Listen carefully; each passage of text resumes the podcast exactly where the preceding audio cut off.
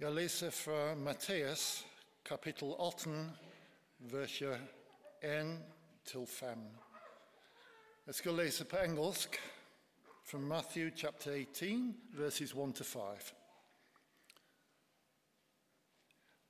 At that time, the disciples came to Jesus and asked, Who then is the greatest in the kingdom of heaven?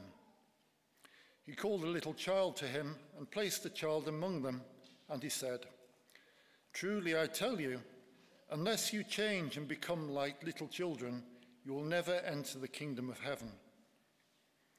Therefore, whoever takes the lowly position of this child is the greatest in the kingdom of heaven, and whoever welcomes one such child in my name welcomes me.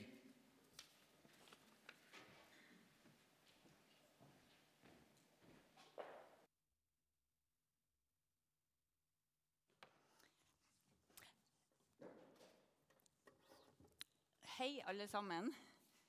Hei også til dere som hører på podkast fordi det er vinterferie, eller dere har syke barn eller ikke er helt i form.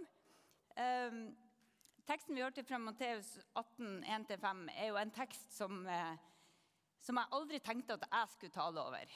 Og denne våren var nøye planlagt. Vi skulle ha denne teksten på en familiegudstjeneste, der den hører hjemme. For det er jo en tekst som passer best for sånn Hege Dalhaug, som jobber med barn- og familiearbeid, eller de av dere som eh, er så glad i barn at dere eh, vil jobbe med barn. Førskolelærere og barneskolelærere. sant? Eh, dere som liker alle slags barn, ikke bare egne barn og barnebarn. For hjemme hos oss har vi nemlig veldig tydelige preferanser. Jeg liker voksne og ungdom fra 15 år oppover. Og mannen min liker best alle som er yngre enn det. Det var han som var her framme med, med løva i stad. Han har vært søndagsskolelærer i 40 år. Og Så spurte jeg skal du pensjonere deg når du blir 60. Så sier han nei, hvorfor skal jeg det? Jeg kan jo dø som søndagsskolelærer. Og Det syns jeg er, er god holdning. Men saken er jo at han har barnetekke.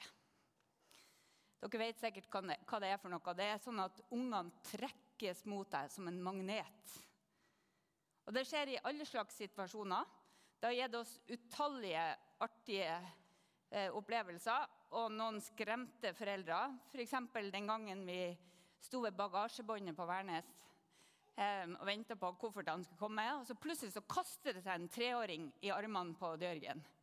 Jeg hadde aldri sett ungen før, men ungen hadde sett Odd Jørgen på, på, på gaten i Oslo og i valget mellom den ukjente bestemora og Odd Jørgen, så hoppa jo ungen til Odd Jørgen.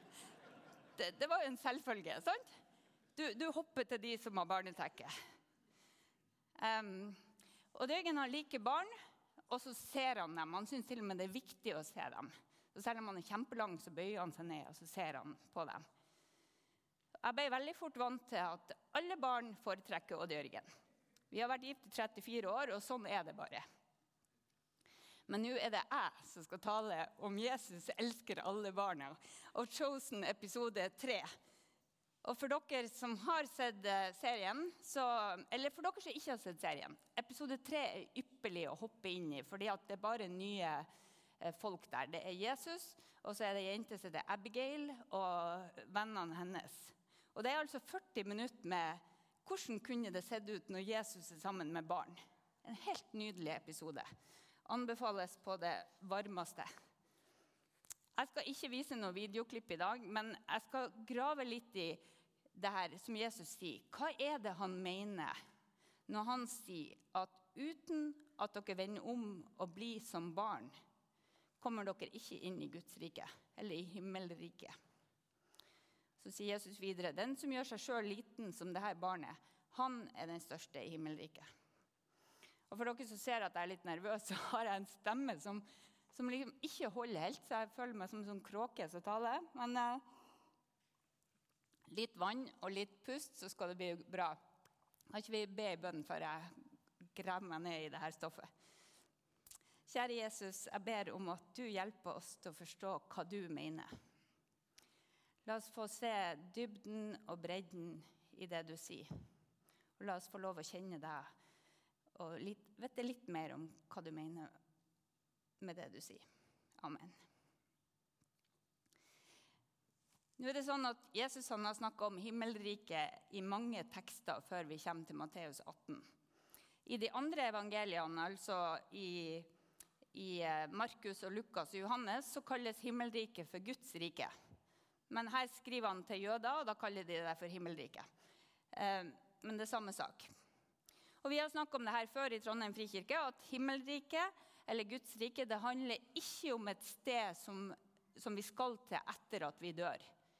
Himmelriket er noe som starta den dagen vi tok imot Jesus. For alle som har lyst til å tro på Jesus og følge Jesus, får lov å være en del av himmelriket. Og Det betyr også at det evige livet er ikke noe som kommer etter døden. Det evige livet det starter når vi starter å tro på Jesus. Sånn at det er i gang her og nå. Guds rike er her.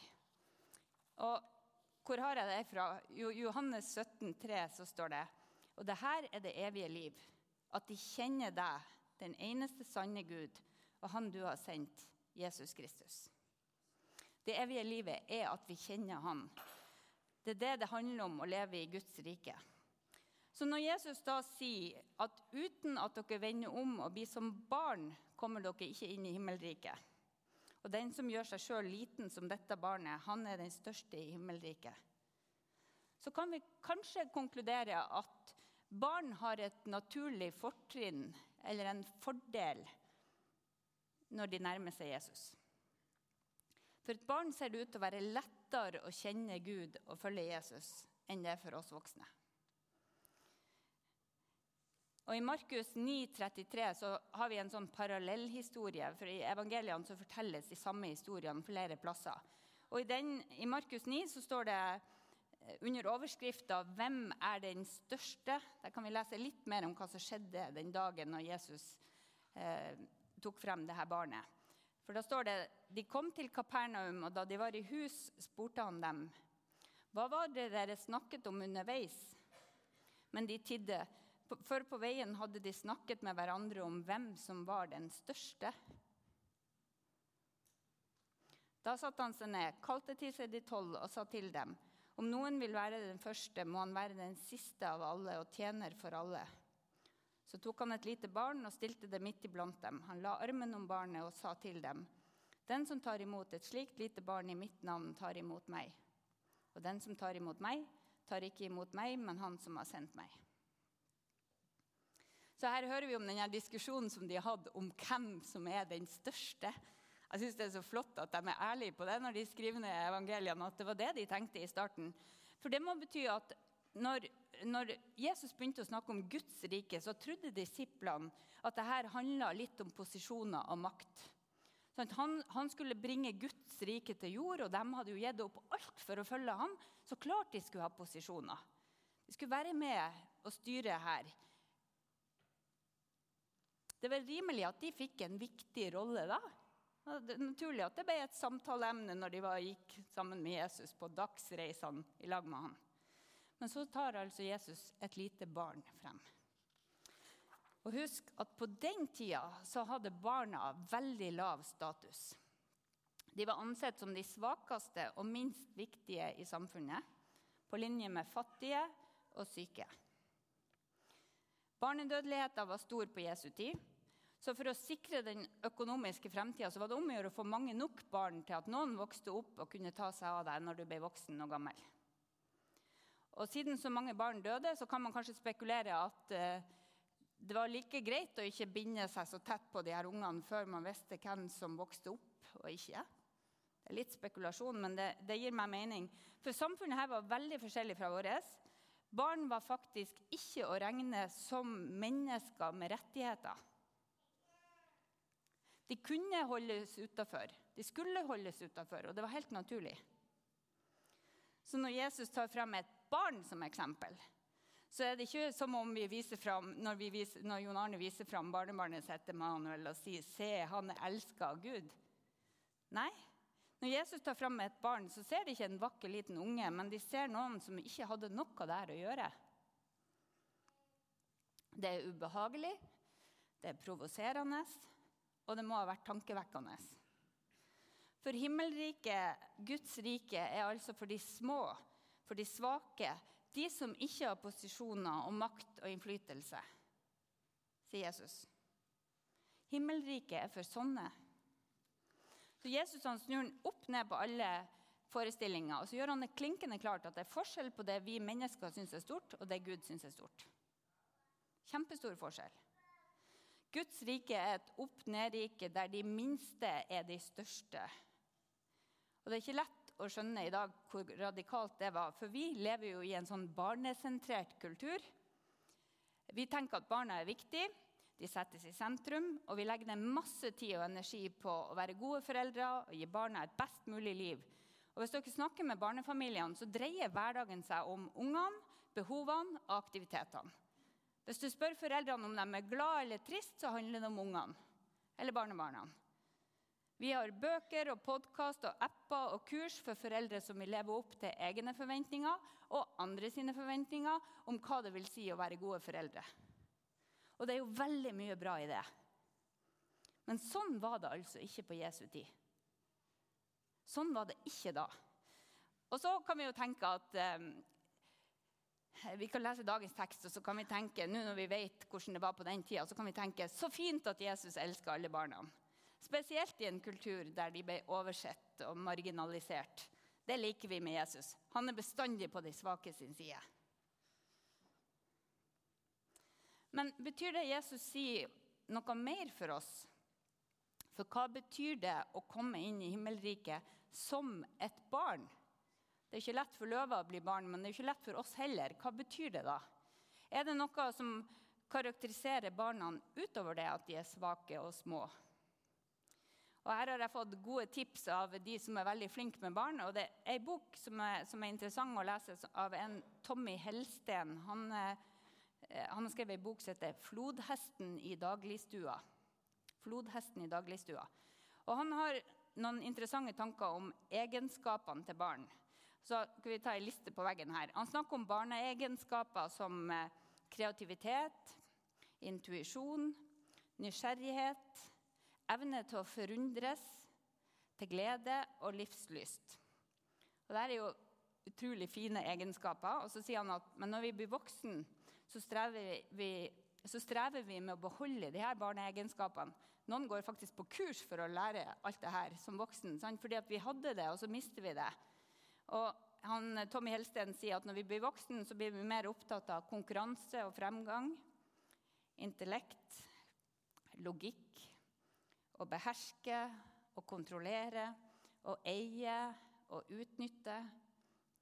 Og Dette er helt naturlig også, sant? og ofte er det helt nødvendig. For de her barneegenskapene de gjør oss veldig sårbare. De kan til og med være farlige for oss. Eh, og for dere som har jobba med barn, til og med små barn kan fortrenge barneegenskapene for å beskytte seg sjøl, sånn at de ikke er så sårbare. Men barn som vokser opp sånn som lille Emanuel i trygge omgivelser, de kommer til å beholde disse barneegenskapene lenge. Så kan vi lære noe av måten barna forholder seg til livet er det noe Jesus vil at vi skal se når han setter fram et barn og sier at uten at dere vender om og blir som barn, kommer dere ikke inn i himmelriket? Hva betyr det å bli som barn? Og jeg har kokt de her barneegenskapene ned til, eh, til tre punkt som jeg skal si litt om. Det første er glede. Hva kan vi lære om barn av glede? Eller av ja, barn om glede? Jo, barn har en unik evne til å fryde seg og glede seg. Jeg vet ikke om dere så på Emanuel når han fikk øye på lyset på alteret, så ville han ikke se på dere lenger. Han tindra i øynene. Eh, og vi kan tenke at Barn gleder seg, for de vet ikke bedre. sant? De vet ikke alt det vi vet. Men det er ikke det at de er uvitende som gjør at de er glad. Det er det de fokuserer på, som gjør dem glad. Sånn han så lyset, så ser han på lyset, og så finner han glede i lyset. Barn er ikke distrahert av verdens bekymringer og hva de skal gjøre i morgen. De kan finne intens glede av å se en grønn buss som kjører forbi. Eller en lastebil.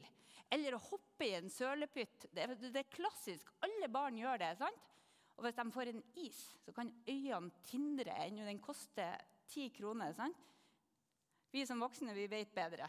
Vår glede overskygges av bekymring og usikkerhet og de her alvorlige tingene som vi må tenke på. Men vi kan også oppleve denne barnlige gleden hvis vi fokuserer på en solnedgang. Eller for noen av dere som har hytte og liker fjell. og sånn, Hvis dere ser det fantastiske løypen som går innover i, i fjellheimen. Eller når dere ser et barn bli døpt. Kan dere kjenne på noe av denne barnlige gleden? Ja, Vi kan til og med oppleve sånn glede når vi fokuserer på Gud og det han har gjort for oss. Når vi blir med i lovsangen Jeg skulle spare stemmen og ikke synge, men jeg har brukt opp masse.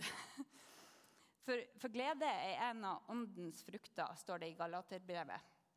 Glede er noe som produseres i oss, som bobler fram i oss når Gud får slippe til. I Matteus 13, 44 så forteller Jesus om en mann som kjøper, som med glede selger alt han eier for å kjøpe en åker som har en skatt i seg. Og Så sier Jesus at Guds rike er sånn som den åkeren. Den er verdt alt du har. Det er ikke rart du blir glad når du eier den. Så tenk å få leve i Guds rike sammen med Jesus. Og da mista jeg noen av dere med en gang. liksom sånn, Ja, OK, jeg hører hva du sier. Men jeg har bodd to år vegg i vegg med, med Nora, barnebarnet mitt, som er nå to og et halvt år. Eh, og når hun kommer inn i vårt hus, det er bare ei dør imellom, så åpner hun døra, for det lærte hun jo fort. Og så springer hun inn og så roper hun 'Mortar!' Det er morfar.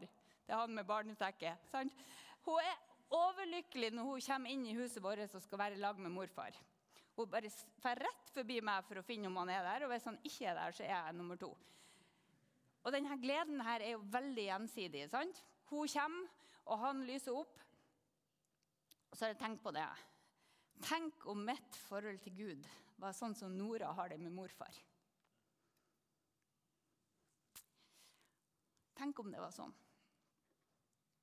Tenk om jeg begynte å be med sånn glede og forventning som hun har når hun leter han opp i huset. Hvordan ville hverdagen min vært hvis jeg litt oftere slapp gleden løs og var mer som et barn sammen med Gud? I stedet for å gjøre livet og trua så komplisert.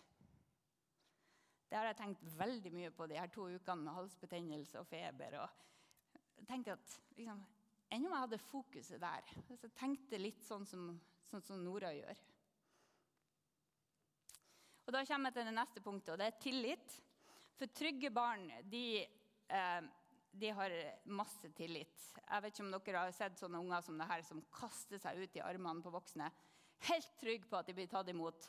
Ja, Det er skummelt når de tar fart på toppen av trappa når du kommer opp, og så tror de at ja, vi tar deg i svingen. Liksom. Det er ingen problem. Eh, for tillit gjør barnet modig. Barnet tror at det blir tatt imot, og da kan det hoppe uti det. Eh, når de får språk og blir litt, eh, litt, opptatt av ting rundt seg, så stiller de også masse spørsmål. Det er også en del av den tilliten de viser. De spør om hvorfor og hvordan og hva er det og hvorfor det. F.eks.: 'Pappa, hvorfor har du så spiss nese?' 'Hva er det for noe, mamma? Hvorfor må vi det?' Barnet vet intuitivt at det får ikke svar på alt, og at de ikke skjønner alt. Men hvis de er trygge, så er det lov å spørre. Det er lov å være nysgjerrig, og det er lov å utforske. Tenk om vi kan møte Gud med samme tillit som et trygt og elsker barn. Tenk om vi kunne tro at Gud er god. Tro at han tar imot oss. Også når verden er komplisert og det ikke går sånn som vi håper. Når vi mislykkes og skammer oss. Tenk om vi kunne huske at Gud er god. For enten vi liker det eller ikke, så er vi helt avhengig av Gud.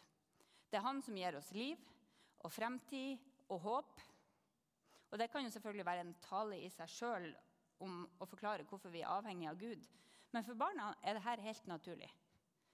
Han, Tommy Helsten han skriver videre i boka si at en av barneegenskapene er en naturlig åndelighet. Han skriver at barnet innser sin forbindelse med en kraft som er større enn seg sjøl, med Gud. Det kommer ganske naturlig for et lite barn. Og så sier han og her skal jeg prøve å lese litt sakte. Det er litt dårlig oversatt fra finsk til norsk, men jeg skal prøve å lese på bokmål, så blir det i hvert fall ikke ytterligere vanskelig. Tommy Helsten sier at for det sterke mennesket er dette nipst. fordi en slik innsikt ville innebære at man måtte dra virkelig dyptrekkende konklusjoner når det gjelder ens eget liv. Hvis jeg er en del av en større sammenheng, kan jeg ikke lenger selv bestemme over livet mitt. Jeg får altså ikke være Gud selv.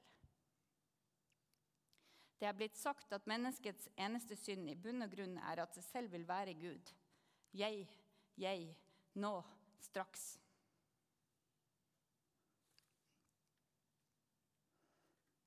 Jeg tror han er inne på noe viktig. At Vi voksne vi kan fort tro at vi er uavhengige og selvstendige mennesker, og så glemmer vi noe helt fundamentalt, nemlig at Gud er Gud. Vi kan ikke være det, og vi slipper faktisk å være det. Men vi får lov å være barn der Gud er far. Og vi kan få lov å leve i Guds rike, og Gud vil ta imot oss. Det kan gjøre oss modige, sånn at vi kan hoppe ut i hverdagen i tillit til at Gud er der sammen med oss. Og Da kommer jeg til punkt tre. Vi har snakket om glede og tillit, og så kommer jeg til ydmykhet. Og Da vil noen protestere. Barn er ikke ydmyk. Nei, ikke alltid. Men de er ydmyke på en måte, og det er at de vet at de ikke klarer seg uten andre mennesker. Det vet et barn. Det vet at det har begrensninger. Kan du tenke deg noe mer hjelpeløst enn en liten baby? Dette er barnebarnet mitt, eh, tre dager gammel. Og i månedsvis etter det her så må baby ha hjelp til absolutt alt. Mat og bleier og søvn og temperaturregulering. De må til og med ha hjelp til å holde hodet og få luften opp på magen. De skal trøstes og bæres. Og det er kjempekrevende for de voksne, fordi at du skal gjøre alt dette her døgnet rundt. Hva i all verden har vi gitt oss ut på, er det mange foreldre som lurer på. For en baby kan forandre nesten alt. Og så bidrar de nesten ikke helt tatt med smil engang. De kan smile i søvne, men ikke når du trenger det smilet. sant? Når de helst vil skrike.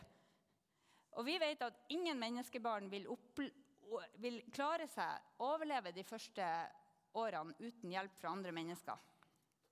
Så kanskje det å bli som barn betyr å innse at vi er avhengig av Gud.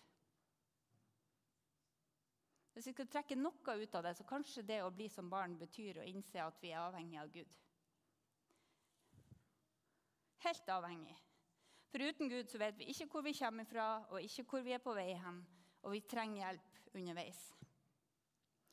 Tenk om det sank inn for oss at Guds rike er for alle som er hjelpeløse og avhengig av andre. Det er for alle oss som, uansett hvor flinke vi er, fortsatt trenger mat, og søvn og hjelp. Det er for oss som har følelser som ikke kan mestres. Guds rike er for alle som trenger et sted å høre til. Det er for alle oss som trenger å bli velsigna. Det er for alle oss som ikke strekker til. Det er for alle oss som er syke og sliten, eller begge deler. Vi har en god Gud som tar imot både barn og hjelpeløse voksne. Vi får lov å komme hjem til han. Så hva kan vi da lære av barna? Glede, tillit, ydmykhet. Det er barneegenskaper vi kan beholde selv om vi er voksen. Men alt i vår kultur stritter jo imot det her. For vi læres opp til å prestere og ta kontroll. Og til å finne oss sjøl. Hvem er jeg egentlig? Er jeg lykkelig? Har jeg feil jobb? Har jeg feil utdannelse? Har jeg feil ektefelle? Bor jeg på feil sted? Og I koronatida er det mange som har fått altfor mye tid til å tenke på sånne ting. Vi scroller på Instagram, og TikTok, og YouTube og Facebook på leting etter noe mer. Kanskje noe nytt. Noe som kan få til energien tilbake i livet. Og Så ser vi kanskje serier på nett som der folk bryter grense etter grense etter grense etter hvert som sesongene går. For det blir mange seere av sånn TV.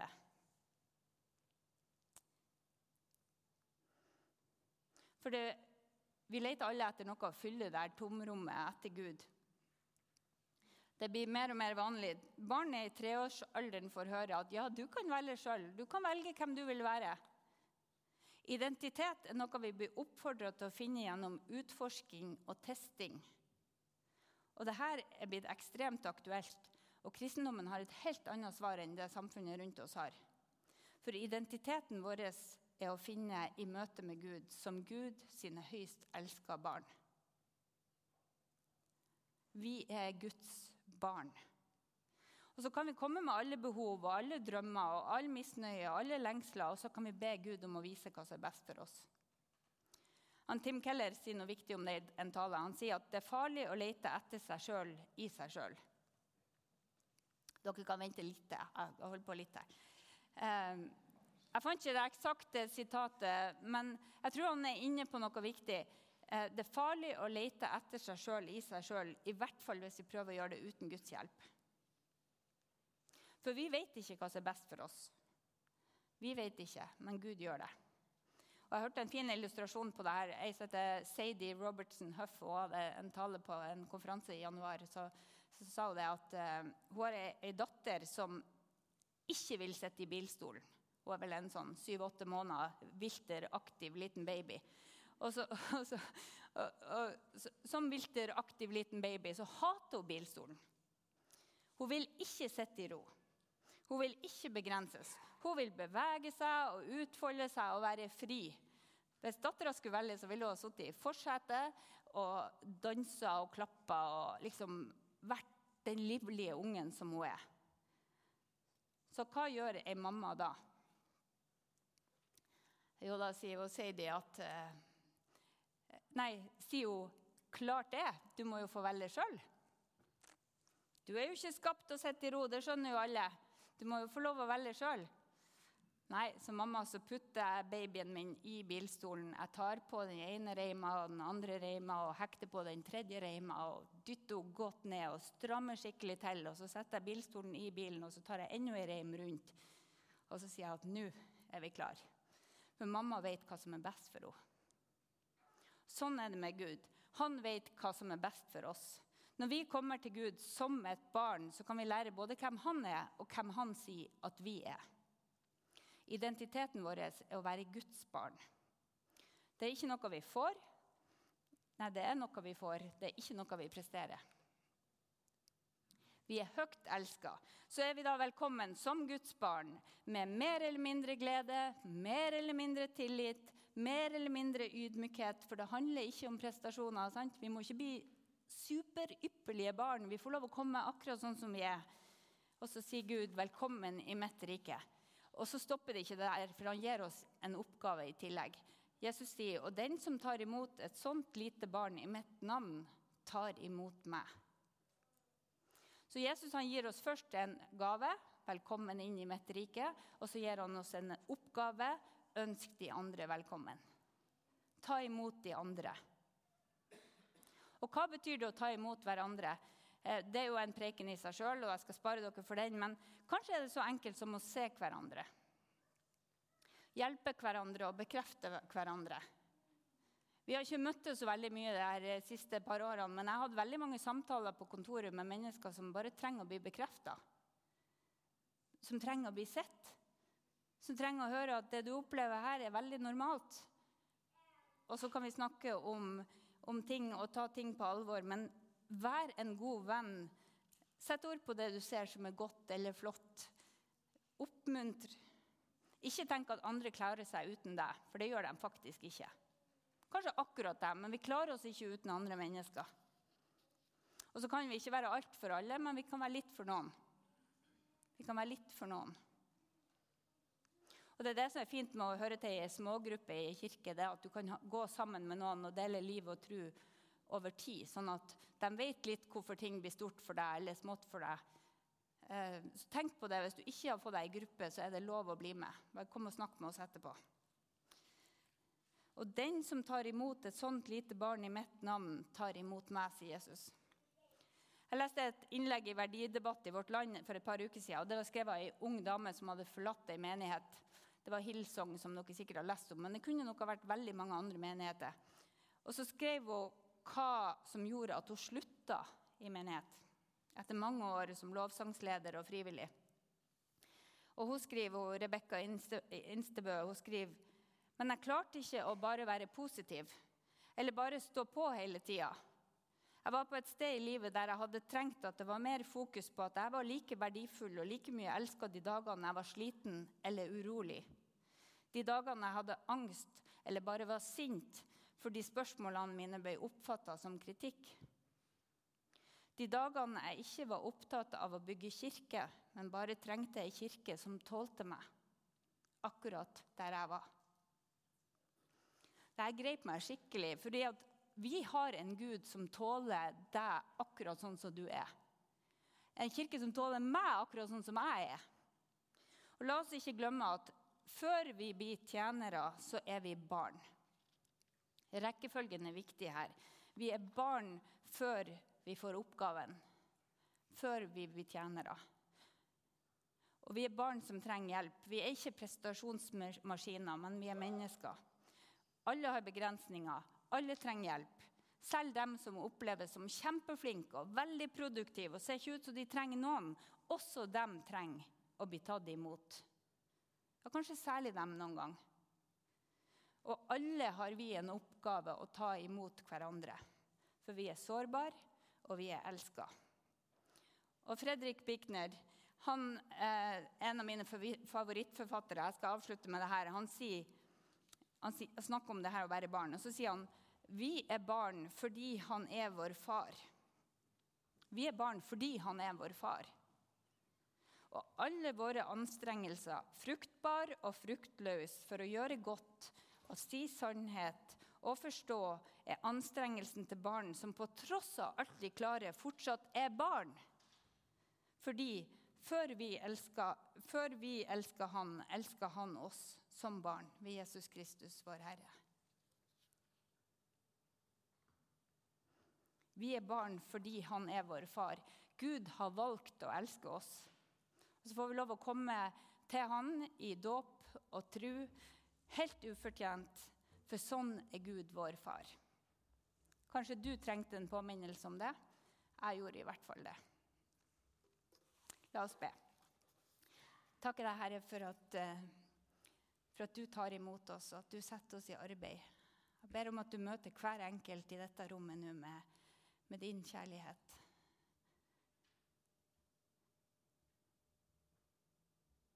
Hjelp oss til å følge deg, Jesus, til å se deg, til å glede oss over deg. Amen.